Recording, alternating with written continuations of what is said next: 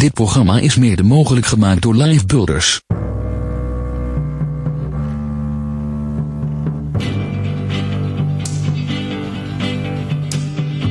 Nobody knows the trouble that I've seen. Nobody knows my sorrow. Nobody knows. Waarom in Jezus' naam Jezus? Mijn naam is Frederik de Groot. Ik zit hier op het Dam te 16. Het gebouw waarin de kerk huist van de Livebeelders. Maar tegenover mij zit een voorganger van de Pinkstergemeenschap in Horen. Zeg ik dat goed? Ja, dat zeg je goed. Kees, Kees Wittenberg. Welkom. Dankjewel. Heel fijn dat je in onze studio wilt zijn.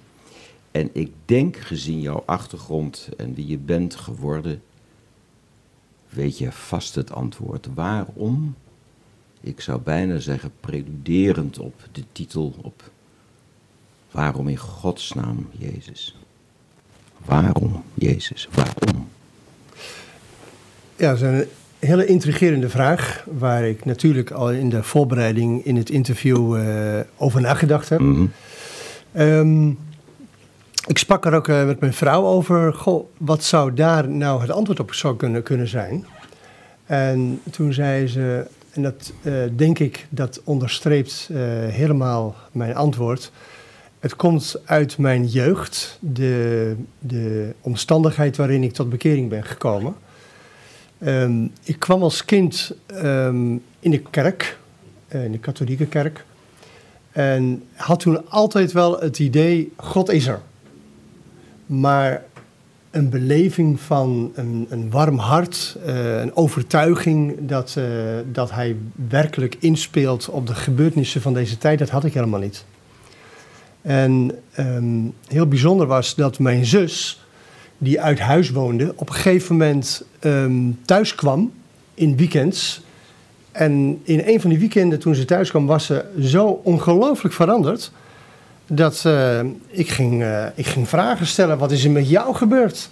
Oudere zus? Oudere zus, ja, het, was me, het is mijn oudste zus. Ehm, en ehm, ze was helemaal veranderd. En ehm, dus eerst keek ik het eens even aan. Is dit een blijvende verandering? Want ja, wat is er? Het kan een bevlieging zijn. En veranderd in de zin van? Nou, ze was best wel, ja, een, een pinnig iemand. Ze kon, eh, ze kon ja, als oudste zus zich zo gedragen. Een beetje heersend over eh, de andere broers en zusters. En dat was helemaal eh, weg. Ze was heel vriendelijk en heel belangstellend, eh, aardig.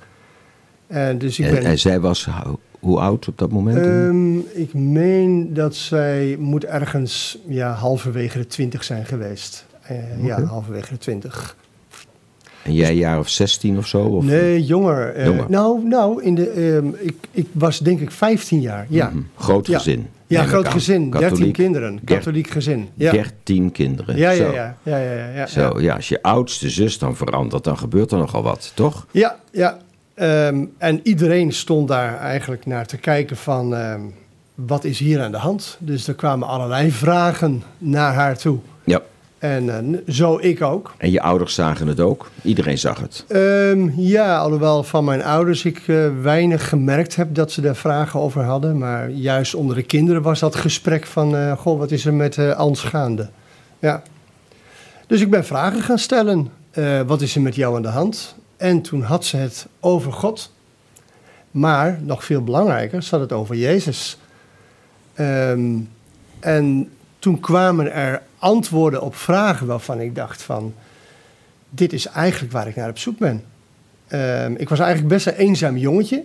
Ik had weinig vrienden, eh, zwerfde door de natuur. En, en waar zijn we in Nederland ergens, geografisch? Eh, oh ja, dat is wel nou, goed niet om te... oh ja, maar gewoon, Ja. waar, waar zijn we een beetje dan? Nou, West-Friesland, Spanbroek. ja. Eh, we woonden aan de Zomerdijk. Dat is een, een, een plek waar de dichtstbijzijnde buren zo'n beetje een kwart kilometer naast je woonden. Mhm. Dus best een, een hele open plek. Ja. Midden in de natuur eigenlijk. En ik, ben, Mhm. ik was gek op de natuur. Ik kreeg zelfs een verrekijker van mijn vader en moeder om Mhm. eh, mee aan de slag te gaan. Maar En elke zondag naar de kerk. Elke zondag naar de kerk, dat was een vast ritme. En, eh, En misdienaar of... nee, nee, een broer van mij was misdienaar, ik zelf niet. Ehm, maar ja, je zat daar wel te Ja. zitten en te beleven. Ehm, en ja, beleefde daar God als iets afstandelijks, als iets, ja, ehm, iets traditioneels, maar niet werkelijk van binnen. En dat heeft me eigenlijk altijd onrustig ge- gehouden. Van eh, God, als God nou werkelijk een God van liefde is, waarom ervaar ik dat dan niet van binnen? En aan mijn zus zag ik dat zij dat van binnen wel ervoer. Dus zij had iets wat ik wilde hebben. Dus Maar, even terug naar mijn vraag. Je Ja. ouders viel dat ook op of minder? Die waren Ehm, daar niet zo mee bezig. Nee, volgens mij waren ze daar niet zo mee Nee. bezig. Althans, ik heb dat toen als jonge Nee. jongen niet Nee. waargenomen dat ze daar nou heel erg mee bezig Ja. waren. Nee, nee. Ja. Maar ik wel. En toen zei je tegen je zuster, je nam er apart en zei... Wat is er gebeurd? Ja, ehm, het was zelfs zo. Ehm, ik zat altijd in de keuken. Ehm, was ik met mijn, met mijn eh, studie bezig. Ik zat op de MAVO-school. En ehm, zij was daar ook aan het voorbereiden voor een Bijbelstudie. En toen ging ik vragen stellen. Ehm, vragen over eh, hoe zit dat dan met geloven en hoe zit dat dan met, eh, met in de hemel kunnen komen en hoe zit dat dan met dat God echt bestaat en invloed op je leven kan hebben. En zij gaf daar antwoorden op ja, die voor mij heel erg bevredigend waren. Eh, want zij kon mij overtuigen dat zij God als een levende werkelijkheid in haar binnenste ervoer. Mhm. Nou, dat is spectaculair natuurlijk. Ja. Dat was iets wat ik, waar ik naar op zoek was. En je zag het en je ervoer het en het was er. Ja, Dat is, eh, ja. ja. Ja. ja, je kijkt eerst de kat uit de boom. Is dit werkelijkheid? Is dit echt? Is dit Ja. blijvend? Maar dat was zo. En die verandering die had plaatsgevonden gevonden binnen de kerk, binnen de Rooms-Katholieke kerk of ergens anders, bij haar. Ja, bij haar had dat plaatsgevonden in Amsterdam. Daar eh, werkte ze toen. En daar was ze in contact gekomen met evangelische christenen. En daar heeft zij eh, God leren kennen als een levende God. En, en voor de luisteraars, wat zijn evangelische christenen dat zijn? Ja, ik beschrijf evangelische christen- christenen als christenen die, eh, die hun christen zijn buiten de zogenaamde traditionele kerken eh, zich bevinden. De traditionele kerken als de gereformeerde kerk, de Ja. hervormde kerk, de. Rooms-Katholieke kerk enzovoorts. En evangelische eh, gemeenten zijn gemeenten die buiten die traditie als het ware kerken zijn en daar hun geloof beleven. En dat zijn ook de mensen die je ineens terugvindt in garages en in schuren en op wonderlijke plekken. Toch Ja. mag ik het zo zeggen, in tenten of zo. Ja. Dat kan. Precies, Klinkt de, de plaats van samenkomst is eigenlijk niet van belang, maar meer de beleving, de Ja. wijze waarop je je geloof beleeft. Het woord God, ja, Ja. zelf, ja, puur. En zij had het gevonden in Amsterdam. Ja, ja, ik weet niet precies meer wat voor evangelische groep dat was, ehm, maar ehm, wel had zij daar het levend geloof gevonden. Mhm. En levend geloof, dan bedoel ik ehm, de ervaring van binnen, de zekerheid dat ehm, God zijn zoon Jezus Christus naar de aarde heeft gestuurd of laten gaan om eh, ja, voor onze schuld te sterven. Ehm, dat geloof is bij haar diep van binnen, eh, heeft dat eh, plek Maar de. Rooms-Katholieke kerk kent de Eucharistie. Dus die ken je. Ja, En waar lag dan het verschil? Heb je die, had je dan bij dat avondmaal als het ware niet die ervaring? Die, dus daar, daar zit een, dat had je dan niet in die kerk, in Spanbroek. Mhm. En zij vond dat ergens op straat, evangelische beweging. Hoe kan dat? ja dat is een. ehm, dat, dat heb ik mezelf ook wel afgevraagd. Hoe kan dat? Want ehm, wat verkondigen evangelische gemeenten anders dan traditionele gemeenten? Mhm. Ik denk dat in de verkondiging er waarschijnlijk niet eens zo heel veel verschil zit, maar dat het veel meer eh, gaat om de, de omgeving waarin dat plaatsvindt en de werking ook van de Heilige Geest die dat woord bij jou van binnen tot leven wekt. Ja. Ja. En dat hoeft niet eens in een evangelische gemeente plaats te vinden. Dat kan natuurlijk ook in een traditionele Ja. kerk plaatsvinden, absoluut. En de Heilige Geest, de uitstorting van de Heilige Geest, zit wel bijna bij het. Ja, vind ik wel heel mooi gedaan door je. Bij het woord Pinksteren. Ja. En eh, daar komen we zo aan toe. Maar je ontsnapt mij niet helemaal, Kees. Want het antwoord, wat het. vind jij, waarom voor jou persoonlijk, Jezus? Dat komt naar jouw eerste muziekkeuze. You unravel me with a melody. You surround me with a song of deliverance from my enemies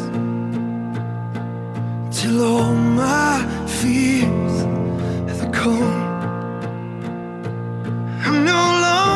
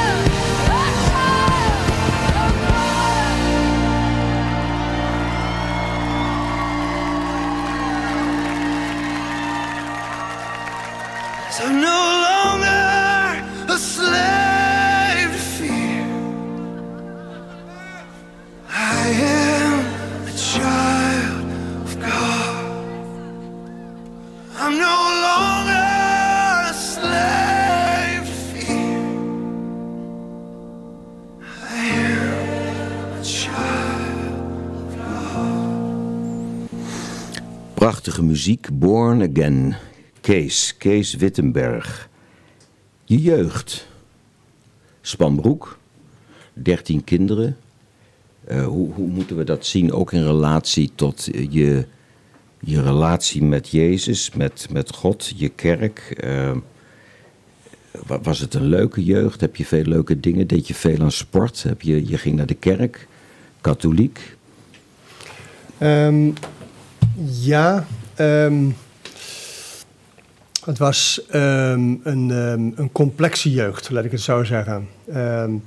Zoals ik al eerder zei, heb ik eh, eh, twaalf eh, broers en zusters. Om het zo te zeggen, zeven zusters en, zes, en vijf broers. Mhm. Overigens, mijn ene oudste broer is inmiddels overleden. Hij was van het dak gevallen. Maar het was een complexe jeugd, omdat eh, ja, ik ben in- min of meer opgevoed als het ware door mijn eh, broers en zusters, zou je kunnen zeggen. Daar had ik het meeste contact mee. Mijn vader was altijd heel erg druk met, eh, met het bedrijf. Mijn vader was tuinbouwer. Die had een eigen bedrijf. Eigen bedrijf, ja. Bloembollen en groenten. En, ehm, dus wij werkten ook ehm, heel veel op het land. Ehm, dus ja, mijn vader had als het ware zijn eigen personeel. Het was een hard leven, moet ik zeggen. Ehm, dat harde eraan was ehm, ja, dat wij, zoals gezegd, heel veel op het land werkten. Ehm, ja, en dat, dat, dat wij als broers en zusters eigenlijk eh, weinig eh, warm contact, met name met onze vader hadden. Ehm, eh, en met mijn moeder wel overigens. Ze was een hele warme, lieve vrouw. Maar mijn vader, ja, die, eh, die vond het best wel moeilijk om een bedrijf te runnen en, eh, en daarnaast ook nog de dertien kinderen op te voeden. En, en was je vader ook actief in de kerk of was dat, was dat, hij ging daar naartoe en dat was het dan? Nee, hij was niet actief in de kerk. Hij is overigens eh, heeft hij wel, is hij begonnen aan, aan, aan het priesterschap. Hij wilde priester worden. Maar na een jaar kwam hij erachter dat dat toch niets voor hem was. Ehm, en ehm, is toen, ehm, is toen een eigen bedrijf begonnen in de tuinbouw en eh, is met mijn moeder getrouwd geraakt. En ehm, ja, zo is dat eh, gezin ontstaan. Dus ja, een, een, ehm, een, geen, eh, geen makkelijke eh, jonge jeugd. Maar de man stond dus ontzettend vroeg op, neem ik aan. Was Ja. altijd aan het werk en geen tijd voor voetballen, leuke dingen. Nee, boekjes is- lezen en moderne opvoeding. En Hij stond om vier uur op zelfs, Ja. elke dag. Ehm, en, was er en- al bang voor. Ja. En om een uur of zeven, als wij uit bed kwamen, was, eh, deed hij zijn eerste kopje koffie. ja. En s'avonds ging hij nog naar de melkfabriek om daar ook nog wat bij te, te, te Ja. schrapen om de, in de kosten te kunnen voorzien. Maar nooit financiële problemen gehad. Dat was wel een gezin met, er waren genoeg middelen. Of, Ja, de, de, de verdiensten gingen natuurlijk meteen weer in het bedrijf. Die Mhm. werden ge- geïnvesteerd om het bedrijf eh, eh, ja, recht overeind te houden, om het maar zo te zeggen. Ehm, maar inderdaad, alles draaide daarom. Eh, het hele gezinsleven eh, en onze inzet als kinderen daarin. maar zonder nou je ouders, want het is altijd weer een nieuwe generatie, of een bepaalde generatie met een bepaald gedrag, zou je dan kunnen zeggen. Er was sprake van een lichte dictatuur dan in het gezin, omdat je vader moest alle zeilen bijzetten om en het bedrijf en een groot gezin. Of is dat het beeld niet? Ja, kijk, en, eh, hij werkte natuurlijk eh, als het ware dag en nacht. Ja. En als je dan thuis komt, dan wil je het liefst gewoon dat alles eh, koek en ei is en dat er niets gebeurd is. Maar ja, wij voetbalden als kinderen Ja. wel eens. Ja. En er ging er wel eens een bal door, het, door een ruit. Ja. Ja, dan, dan waren de rapen Maar wel voetballen gaar. met je vader samen deed je niet. Nee, dat was, ehm, dat was, ehm, dat, dat was onbestaanbaar. Hij had eigenlijk niet het contact met zijn kinderen waar eigenlijk een kind eh, behoefte aan heeft. En, en lazen jullie de Bijbel thuis of is dat niet de gewoonte bij? Nee, bij nee, nee. Er was eigenlijk geen enkel intiem contact of heel weinig communicatie. eh. Maar we hebben het hier over een wat eenzame jongen, Kees, 15 jaar. Je hebt een, een, een oudere zuster die komt tot geloof. Hoe is dat bij jou ontstaan? Waar, waar zit bij jou de overgang? Want je hebt verteld, je bent voorganger van een Pinkstergemeenschap, is nogal, is nogal wat in Horen. Ja. En je bent, eh, zover ik je zo meemaak, een hele leuke, communicatieve, eh, vlotte, enthousiaste man. Wat is daar gebeurd? Dus dan heb je een hele grote stap gemaakt. Hoe, hoe... Is er Ja. sprake van een vorm van bekering? Of eh, in jouw Ja. geval? Het is een hele grote stap. Een stap die zich in ook een hele lange tijd eh, die- is, die, is die gemaakt, die stap. Ehm, ik ben de, ja, wel tot bekering gekomen. En tot bekering gekomen ehm, omschrijf ik eigenlijk als een stap ehm, richting God. Van ik geloof werkelijk dat u niet een een of ander theologisch verschijnsel bent, maar dat u een levende werkelijkheid bent. Want als u in staat bent om mijn zus te veranderen in wie ze nu is, dan eh, is daar een wonder voor, van, eh, van genade voor nodig. Dan moet daar iets zijn eh, die haar zover gebracht heeft. En, en deze gedachtepatronen, dan zijn we op welke leeftijd? Ehm 15-jarige leeftijd. Dat, toen al had je dat zo sterk, je hebt net ook verteld. Ja. En, en toen heb je toen een stap gemaakt. Ja, ik heb een stap gemaakt naar God, want ik wilde Hem eh, uitnodigen als een levende werkelijkheid in mijn leven. Maar hoe moeten we ons dat voorstellen? Je, je zit met je, aan de keukentafel met je zus te praten. Ga je dan naar boven, ga je op je bed zitten en zeg je tegen God: Ik wil het toch eens even over hebben. Hoe gaat dat dan? Nee, het is heel anders gegaan. Ehm, ik, ehm, zei, mijn zus vertelde over wie Jezus is, wat hij voor ons gedaan heeft en over de liefde van God. Ehm, en toen zei ik tegen haar, maar dat wil ik ook hebben. Eh, toen zei ze, ja, maar wacht eens even. Ehm, bedenk wel waar je aan begint. Want als jij Jezus in je leven toelaat, dan eh, kan dat heel veel gevolgen voor je verdere leven hebben. Dus ze, ze was bijna bezig om mij ervan af te houden. Zo van, dit is niet zomaar een stap. En toen zei jij: Ik, wil- ik wil mee naar Amsterdam.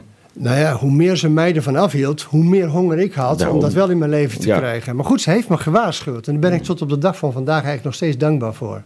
Want ik heb mijn stap in geloof toen wel heel reëel, met volle overtuiging gedaan. Ik wilde hebben wat zij had. En dat is Jezus in mijn leven.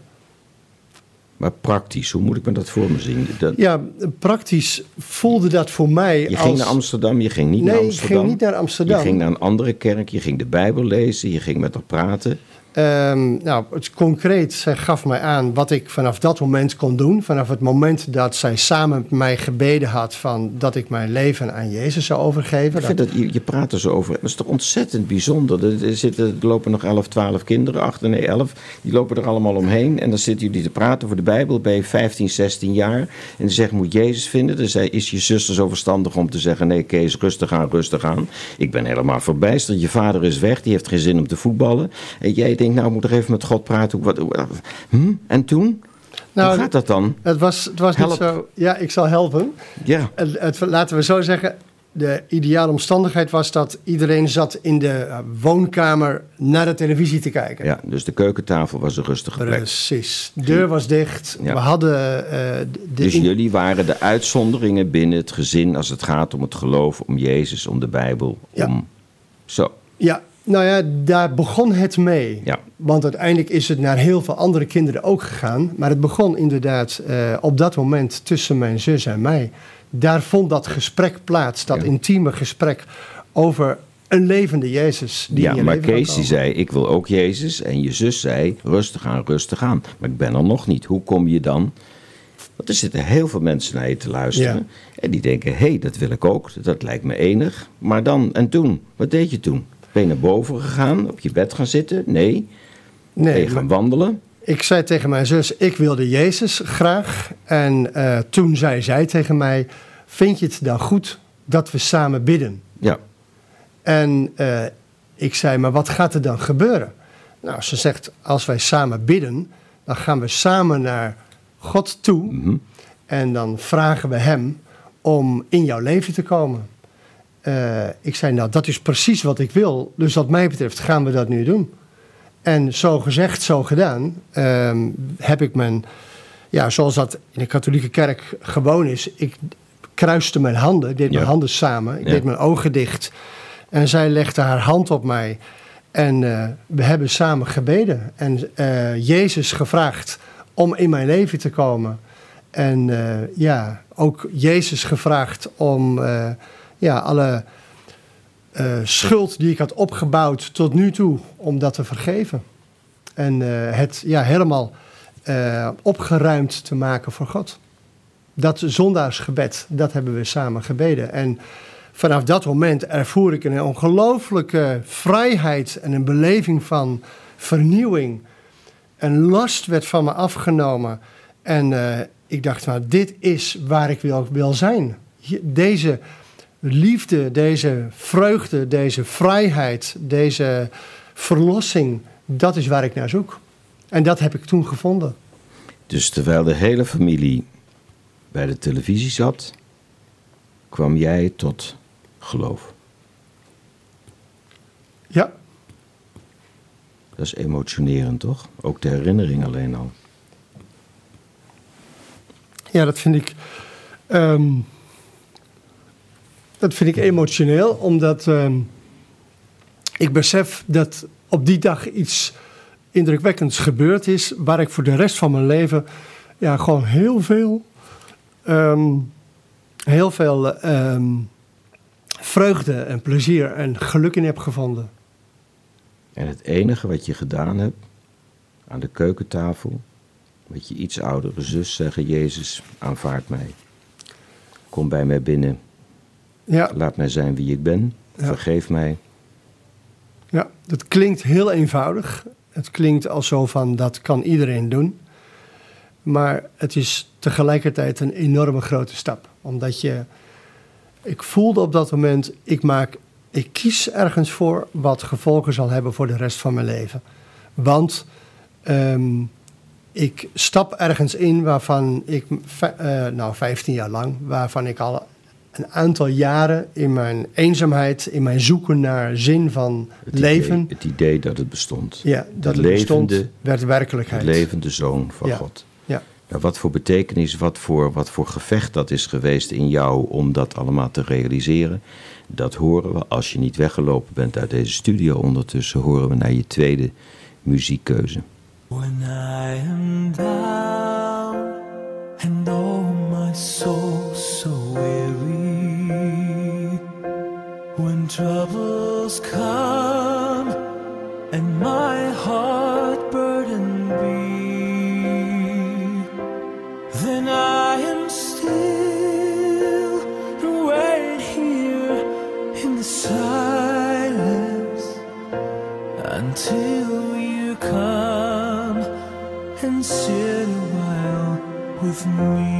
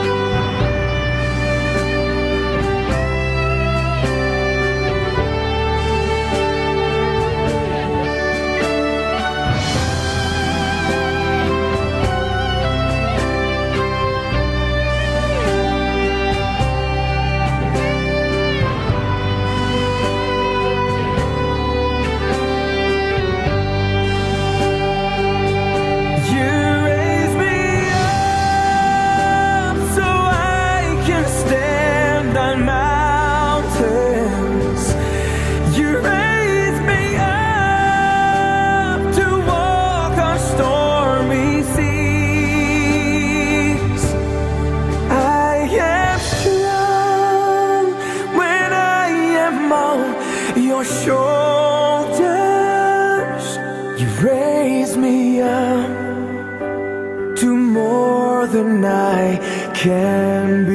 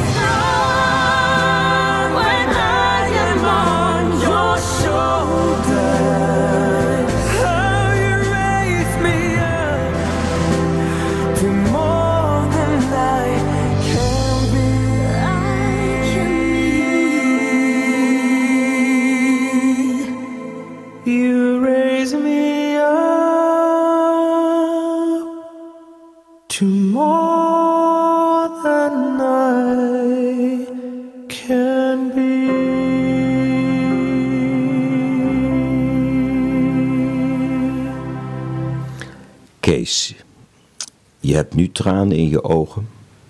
Je had toen waarschijnlijk tranen in je ogen. Je zat aan de keukentafel en je hebt Jezus in je hart toegelaten. Of Jezus is naar je toegekomen. Je was nooit meer alleen. En toen? Wat voor impact had dat op het gezin bijvoorbeeld? En op jezelf, op je gedrag? Ja, dat zijn een heleboel vragen bij elkaar. Ehm, ja, toen begon eigenlijk de zoektocht. Ja, nu heb ik deze stap gemaakt en hoe nu verder? Ehm, Heb je dat aan iedereen verteld die avond al? Of heb je het voor jezelf gehouden? Ehm, ik denk, nee, ik denk dat ik, dat, dat kan ik me niet meer precies herinneren. Dat is te lang geleden. Mhm. Ehm, wat ik wel heb gedaan vanaf dat, dat eerste begin is dat ik samen met mijn zus toen meegegaan ben naar een plaatselijke eh, Pinkstergemeente. Eh, dat is en, en ja, daar ben ik toen als het ware verder op ontdekkingsreis gegaan. Dus En werd je dat door de familie of door de kerk kwalijk genomen dat je iets anders ging doen? Of is dat niet het gesprek geweest? Ja, ja. Mijn, mijn ouders hadden daar eh, best wel veel moeite mee. Dat ik niet meer naar ja, de kerk ging waar ik tot nu toe altijd naartoe ben gegaan. Eh, en mijn broers en zusters, ja, die vonden het ook allemaal maar een beetje vreemd. Eh, hadden daar vragen over. En, eh, maar goed, zo goed en kwaad als ze kon, heb ik daar geprobeerd op te reageren. Maar ja, eigenlijk deerde me dat niet heel erg. Het belangrijkste vond ik dat ik een plek had gevonden waar ik mijn geloof kon beleven op de manier zoals ik in mijn hart die behoefte voelde om dat te doen. En je moeder, je moeder, kon die het een beetje billijke begrijpen? Nou, ehm, gek genoeg denk ik dat mijn moeder ehm, in die zin heel breed denkend was en vooral het belang zocht voor het geluk van haar zoon. Ja. Ik denk dat ze het wel jammer vond dat ik niet meer naar de kerk ging waar zij ook naartoe zou gaan, maar dat ze vooral belangrijk vond dat ik gelukkig was. En is ze ooit wel eens met je mee geweest naar de Pinkstergemeenschap? Nou, ze is er wel eens geweest, maar dan was het alleen om specifieke gebeurtenissen. Maar, en dat vind ik op zich wel heel bijzonder dat ze dat deden, ze zijn ook met mij mee geweest toen ik gedoopt werd. Eh, en dat is natuurlijk een. eh, ja, dat was niet, eh, niet zomaar wat. Eh, want ja, het dopen was voor hun toch wel van. Maar wij hebben jou toch gedoopt, waarom moet het opnieuw? Ja. Eh, maar ze zijn En desondanks kan toch je meegegaan. ons uitleggen waarom dat opnieuw moet gebeuren? Ehm, ja, ehm, eh, de uitleg die ik daarbij heb is dat ehm, het dopen vooral een daad is die je, die je doet op basis van geloof en ehm, in jouw persoonlijk hart. Dus in mijn, in mijn binnenste ben ik tot de overtuiging gekomen dat, eh, dat Jezus voor mijn zonde gestorven is. En in de Bijbel staat: op grond van dat getuigenis moet je je laten dopen. En dat heb ik op die manier ook zo gedaan. Dus niet eh, ehm, als een ritueel dat erbij hoort, maar op grond van een eh geloofsbeleidenis bij mij van binnen. Dus daarom eh, heb ik me laten dopen. Ja. En tegelijkertijd om dat kenbaar te maken aan de buitenwereld, zeg ik het goed? Ehm, ja, ehm, eh, Tegelijkertijd. Ja, tegelijkertijd. Ja. Want als je je doopt, dan laat je eigenlijk aan iedereen die daarbij is zien Ja. wat je gelooft. Ja. Dat, want dat is in feite de uitdrukking van, van je doop. Ja. En toen, hoe is je leven verder verlopen en hoe is dat beïnvloed door het nieuw gevonden geloof? Ehm, 15, 16 jaar. Ja, nou, de- ik was heel gretig. Ik ben ongelooflijk veel informatie eh, gaan verzamelen, indrinken. Ik ging naar bijbelstudies, naar de, alle samenkomsten die er waren, naar jeugdsamenkomsten. Eh, ik, ik haalde zoveel mogelijk binnen. Eh, was ook al heel jong bezig met zondagsschoolwerk. Dus ik was volop aan het werk in de nieuwe kerk, om het maar zo te zeggen. Ehm, maar achteraf heb ik toch wel gemerkt dat, ehm, dat, eh, dat dat later toch wel problemen gaf. Want ik was heel erg bezig met, met, met eh, groeien en, en dingen doen. ehm, zonder dat ik voldoende tijd nam om ook te reflecteren op mezelf. Van ja, wat er gebeurt er nou bij jou van binnen? Wat doet dat nou met jouw geest? Het werd meteen omgezet in. Ja. Dat komt ook omdat je een eenzaam kind was, neem ik aan. Ik denk dat die eenzaamheid op een bepaalde manier doorbroken werd. Ja, ja. Ja, je, het, het was een, een, een plek waar ik me gelukkig Ja. voelde. Ja. En eh, waar ik als het ware nieuwe vrienden vond. Ja. En, eh, en, eh, en, ja, het, het was, dat was waar, ik werd er bijna naartoe gedreven als het ware. Ging een beetje voorganger spelen al. En vond het naar huis gaan als het ware al vervelend. Ehm, nou, nee, nee, dat niet. Alhoewel er in mij wel heel erg de neiging is om Ja. ergens leiding over te de nemen. neiging, ging je een heel klein beetje voorganger spelen al? Ging je een beetje, een beetje leiding geven in de kerk? Mm, Nee, voorganger spelen Ja. zie ik het niet. Nee, maar nee. het was waarschijnlijk wel een voorbereiding op. Dat denk ik wel. Ja. Maar dat, dat ben je natuurlijk als jong kind helemaal niet bewust. Nee. Zo is het wel heel bijzonder om te zien dat, eh, dat ik steeds minder thuis eh, eh, als gelovige samen met mijn zus alleen stond. Want wat wel heel bijzonder is, is dat, dat broers en zusters van mij door de jaren heen ook tot geloof zijn gekomen. Dat is uniek toch? Zelfs niet één bijzonder, dat is heel uniek. En dan praten we over alle. Nee, niet alle kinderen eh, zijn ja, op de manier als zoals wij dat beleven tot geloof gekomen. Ik zeg niet dat ze niet geloven, maar Nee, eh, ze nee. beleven geloof ja, toch op een andere manier, denk Ja. ik. Maar ehm, ja, een groot deel ehm, ja, leeft dagelijks toch wel in een bepaalde intimiteit met God. En dat vind ik wel een eh, heel bijzonder dat dat plaats heeft gevonden. Maar de Rooms-Katholieke Kerk, de, de pastoor, die was ineens een half gezin kwijt. Ik zeg het even heel simpel, maar door jouw daadkracht en Amsterdam en je gaat naar de Pinkstergemeenschap. Dus is de pastoor ooit naar je toegekomen en heeft gezegd, Kees, wat doe je nou?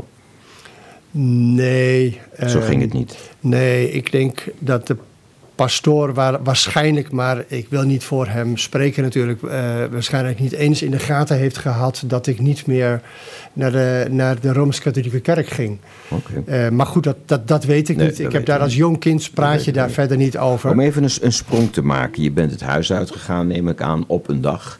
Toen ben je wat gaan doen. Ja, ehm, ja, dat is een heel apart proces. Ehm, mijn ouders gingen toen ik 16 was, die verhuisden naar eh, Ermelo. Want mijn vader was 65 geworden en die gingen daar een oude dag eh, eh, doormaken. Ze hadden daar een huis gekocht en twee jonge zusjes van mij gingen mee, mijn jongste zusjes. En ehm, de rest van de broers die bleven thuis en die werkten op dat bedrijf. Ik zelf was 16 jaar en wilde verpleegkundige worden. Dus ik ben, heb me ingeschreven voor dat vak, maar kon toen nog niet meteen aan de gang. Dus we werkten samen op dat eh En de tuindersbedrijf. keus voor dat beroep, had dat iets te maken met je gevonden geloof? Of is dat het verzorgen van mensen, de er zijn voor de ander, had dat iets te maken met Jezus? Of is dat, was dat sowieso waarschijnlijk wel een passie geweest? Dat is iets anders dan zakenman worden. Ja, ik, ik, ehm, als ik zo nadenk over eh, wat mijn werk is en wat mijn broers en zusters doen, en met name mijn broers doen, dan ben ik toch wel eigenlijk wel een mens-mens. Ja. Eh, toch wel heel, ik wil heel graag met mensen bezig zijn. Ehm, en ja, in, de, in, in het vak van verpleegkundige eh, zag ik dat wel, wel mogelijk. Mm. Ehm, maar het was niet zo dat ik dacht van nou, ik ga nu in de verpleging, dan kan ik daar eh, heel veel over God praten en dergelijke. Het was gewoon een roeping die ik ervoer als van hierin kan ik mijzelf kwijt. Dat heb je gedaan ook. Ja, ik ben, eh, ik ben verpleegkundige geworden, afgestudeerd, daarna nog op de intensive care gewerkt, allerlei leidinggevende functies gehad in het ziekenhuis. Dus daar ben ik eigenlijk al die jaren wel mee doorgegaan. Ik werk er nu bijna 40 jaar. Een lange 40 tijd. jaar in het West. Westries Gasthuis. Oké. Ja. Ja, ja, ja. En ondertussen is je, je, je, je, heb je je bijbelkennis heb je waarschijnlijk aangezuiverd aan... Je ben je gaan lezen of ben je nog een opleiding gaan doen? Of Ja, theologie gaan studeren? Ik ben natuurlijk, ja, al die jaren heb ik allerlei bijbelstudies meegemaakt en preken gehoord. Maar ik ben ook naar een, eh, een, een cursus gegaan, toerusting tot dienstbetoon. Die werd in Herugewaard gehouden. Het was een cursus om meer over de Bijbel te leren en eh, ja, hoe je als christen in de maatschappij beweegt. Mhm. Ehm, dat heb ik twee jaar gedaan. Dat vond ik een, eh, een hele goede opleiding. En dat heeft in mij wel losgemaakt dat ik mij ehm, binnen deze kerkgemeenschap, de Pinkstergemeente, toch wel meer wilde dan alleen eh, er te zijn. Dus ja, ik wilde toch wel iets ehm, doen in het leidinggeven. Dat is daar wel gegroeid. Ja, en, en, en kan je aangeven wat is daar dan een belangrijke stap in geweest qua denken? Ehm, nou, ik, ik, ehm, ik merkte bij mijzelf wel dat, dat God in mij een, ehm, een passie heeft gegeven om de liefde die Hij in mij heeft gegeven, die ik ook echt bij mijzelf eh, van binnen proef en ervaar, om dat te delen met anderen. En, eh, en dat met name op een pastorale wijze. Ik ben niet zozeer echt een manager, maar veel meer toch wel de pastorale leider, ja. En in dat hele proces van leren en doen en studeren heb je ook nog een keer je vrouw ontmoet. Komt die nog ergens in het verhaal voor? Of is die, of parkeren we die? Hoe gaat, zo, hoe gaat dat? Hoe ging dat? Ja, ja dat, is, eh, dat is ook al lang geleden. Het is Eh, jammer dat niemand dat kan zien, maar op het moment dat ik je vrouw noem, begin je heel vrolijk eh, te, te glimlachen en heel blij word je daarvan. Maar er zal toch wel iets heel moois gebeurd zijn. Ja, ja.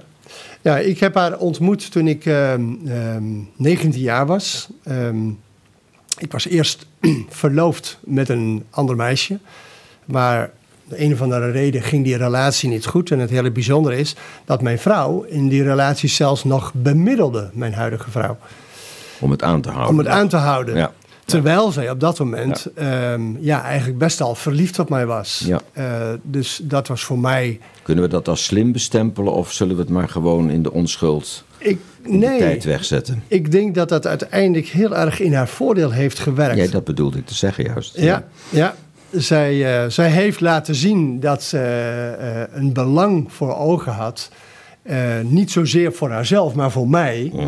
En het feit dat ze mijn belang heeft gezocht, dat heeft mij wel mijn ogen doen opengaan van... God, het moet toch wel een hele bijzondere vrouw je bent zijn. een ontzettende bewuste man. Ik denk steeds dat ik met iemand zit te praten die op dat moment 29, 39 is. Op je negentiende zat je dat allemaal al te bedenken. Ja, ja. ik was echt een denker. Dat, ja, dat is niet te geloven. nee, dus uiteindelijk hebben we die jonge dame hebben we aan de kant gezet. En toen zijn jullie verder gegaan.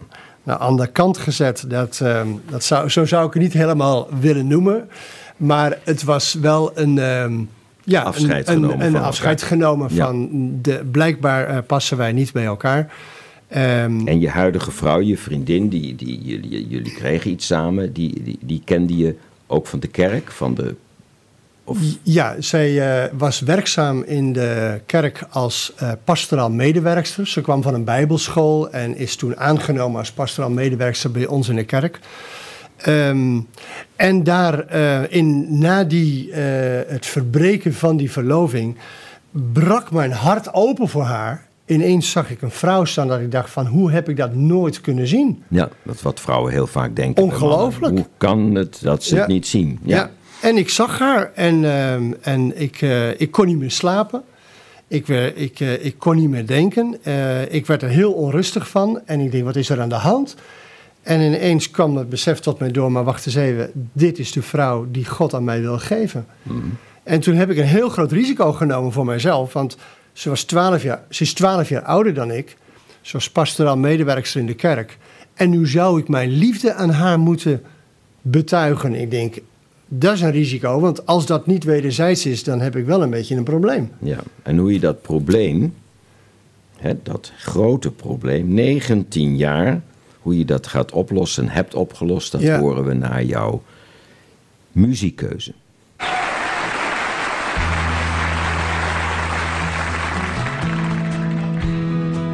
I love this old hymn.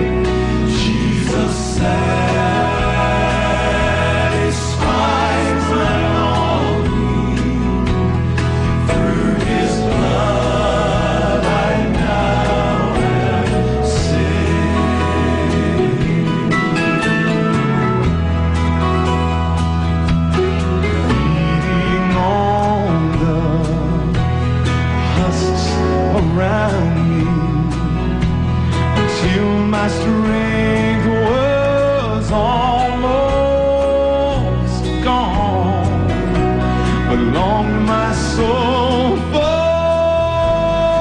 oh, something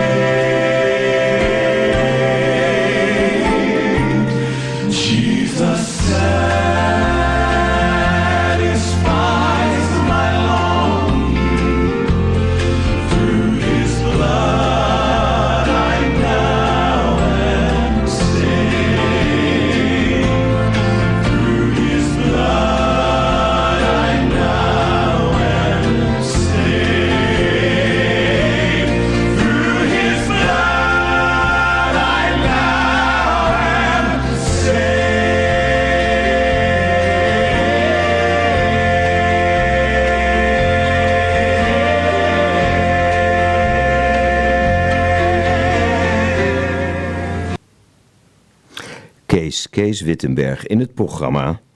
Waarom in Jezus' naam Jezus? Je, kan zo goed praten, je hebt zoveel te vertellen. En we hebben samen nog maar een zes minuten. Ik maak een gigantische sprong. Hoe is het en hoe kom je ertoe om voorganger te worden? Mm, het is niet zozeer een plek die ik zelf gekozen heb, maar die door omstandigheden is ontstaan, omdat de voorganger van destijds stopte eh, door omstandigheden. En ehm, ja, ik ben in dat gat gesprongen om ehm, de gemeente toen te helpen. Ik heb toen ook bewust mezelf niet, als het ware, tot voorganger uitgeroepen. Ik heb gezegd, ik ga deze plaats innemen om de gemeente niet in de steek te laten. En na vijf jaar ehm, eh, ben ik officieel beroepen door de gemeente. Dus zo is het proces eigenlijk gegaan. Mooi. Ja. En wel, ehm, ik denk dat, dat, eh, dat het goed is dat je op die manier eh, de gemeente ook ruimte geeft om, eh, om die sprong te maken. Het is een plek die ik wel ehm, heel fijn vind om te doen. En waar, waar zitten jullie? Horen is dat? In? Horen, ja, En waar ja. is dat? Voor de mensen Ehm, die er misschien vandaag nog, morgen nog naartoe gaan? Ja, het is eh, eh, ehm, de Pinkstergemeente en dat eh, is bij, een, bij de scholengemeenschap Het Kompas, vlakbij de Huusmolen. Ja, Eh, aan die rondweg, daar Ja. staat onze gemeente. ja, ja. Ja. Ja, ik ben er geweest. Een mooi gebouw. Goed, ontzettende prachtige, mooie dienst en sfeer. En eh, ik heb je horen en zien preken. En dat is heel, heel het is een enorme integriteit en liefde.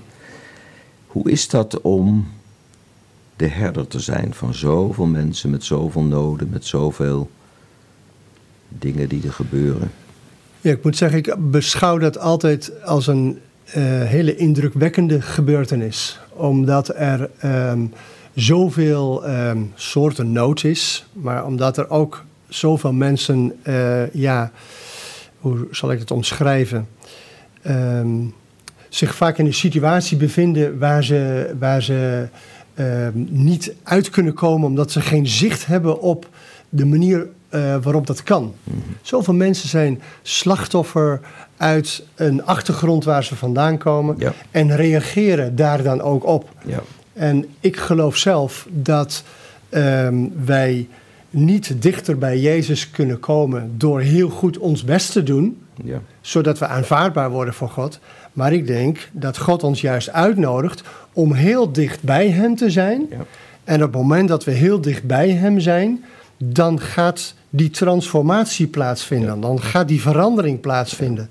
Dus ik probeer in mijn pastorale zorg mensen aan de voeten van Jezus te brengen. Daar geloof ik dus in. Ja, en als dat gebeurt, dan verdwijnt het oude als het ware vanzelf. In plaats dat wij blijven hangen en vechten met dat verleden. Met het, terwijl als je je op hem richt, dan is het hele proces, denk ik dat je dat bedoelt te zeggen, Ja. precies andersom. Ja, ik denk dat dicht bij Jezus, waar het licht is, waar water is, dat daar nieuw leven groeit. Maar dat daar ook eh, alle complexiteit en problemen uit het verleden genezing en herstel vinden. En natuurlijk zal daar ook iets anders gevraagd worden, dat je, eh, dat je ja, de Bijbel eh, leest en dat je tijd vindt om bij God te zijn. Maar het begint met de ontmoeting met Jezus. Daar vindt herstel en genezing plaats. Ik ben het programma begonnen met de vraag aan jou: waarom in jouw persoonlijke leven Jezus? Je hebt een prachtig antwoord gegeven, maar dat was een hele grote achtbaan tot op dit punt. Ja. Waarom? Want zo kwamen we bij je zus terecht, zo kwamen we bij het gezin terecht, zo kwamen we uiteindelijk bij jouw bekering op je vijftiende jaar terecht. Waarom op dit moment voor mensen die nu luisteren, die zitten misschien wanhopig, eenzaam, begrijpen het leven niet of zijn zichzelf kwijtgeraakt in het leven als ze naar jouw stem luisteren. Waarom niet Boeddha? Waarom geen macrobiotiek? Waarom niet wat dan ook in de wereld? Een beetje op vakantie gaan of, of drinken op de rode steen. Waarom? Wat is Jezus? Wat is de in Jezus naam? Jezus. Ja, ehm, mijn, ehm, ik heb in mijn jeugd, ehm, zoals ik al eerder zei, eh, een moeilijke omstandigheid gehad. Mijn vader was best een harde opvoeder. Eh, daar hebben we allemaal ook last van gehad. En op die manier ehm, dreigt het beeld ontstaan dat God een harde, afstandelijke God zou zijn. Eh, ik heb door mijn leven ervaren, ik heb in mijn ontmoeting met God ervaren, dat God anders is. Ehm, en de Zoon van God, Jezus, heeft die ontmoeting met mij gehad en heeft in mij eh, het beeld van God laten zien dat God de Vader werkelijk een God van liefde is.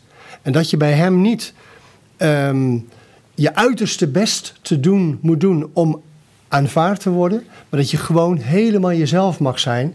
Hij weet toch wel wie je bent. En hij wil één ding, niets liever dan dat we heel dicht bij hem zijn en willen proeven van zijn liefde.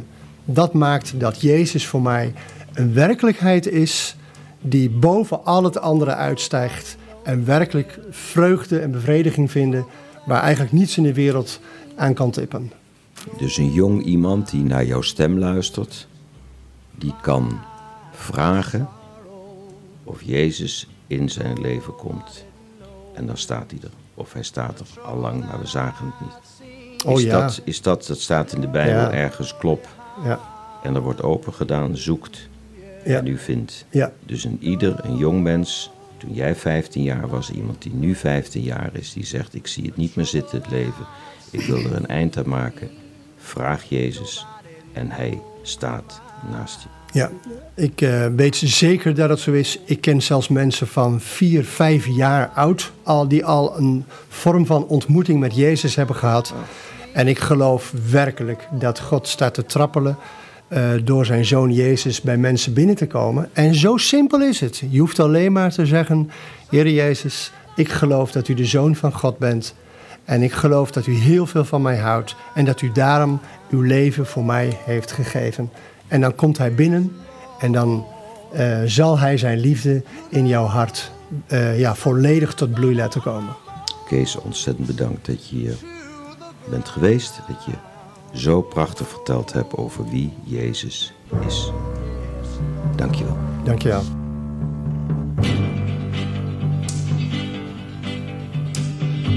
Nobody knows the trouble that I've seen. Nobody knows my sorrow. Nobody the trouble that I've seen. Glory, hallelujah. Nobody knows the trouble that I've seen. Nobody knows my my sorrow. Nobody knows the trouble that I've seen. Glory, ha, glory, hallelujah. Sometimes I'm up and sometimes I'm down. Oh, yes, Lord. You know, sometimes I'm almost ground. Oh, no, yes, Lord. Still, nobody knows the trouble that I've seen. Nobody, nobody knows my my sorrow. Nobody knows the trouble that I've seen. Glory, hallelujah.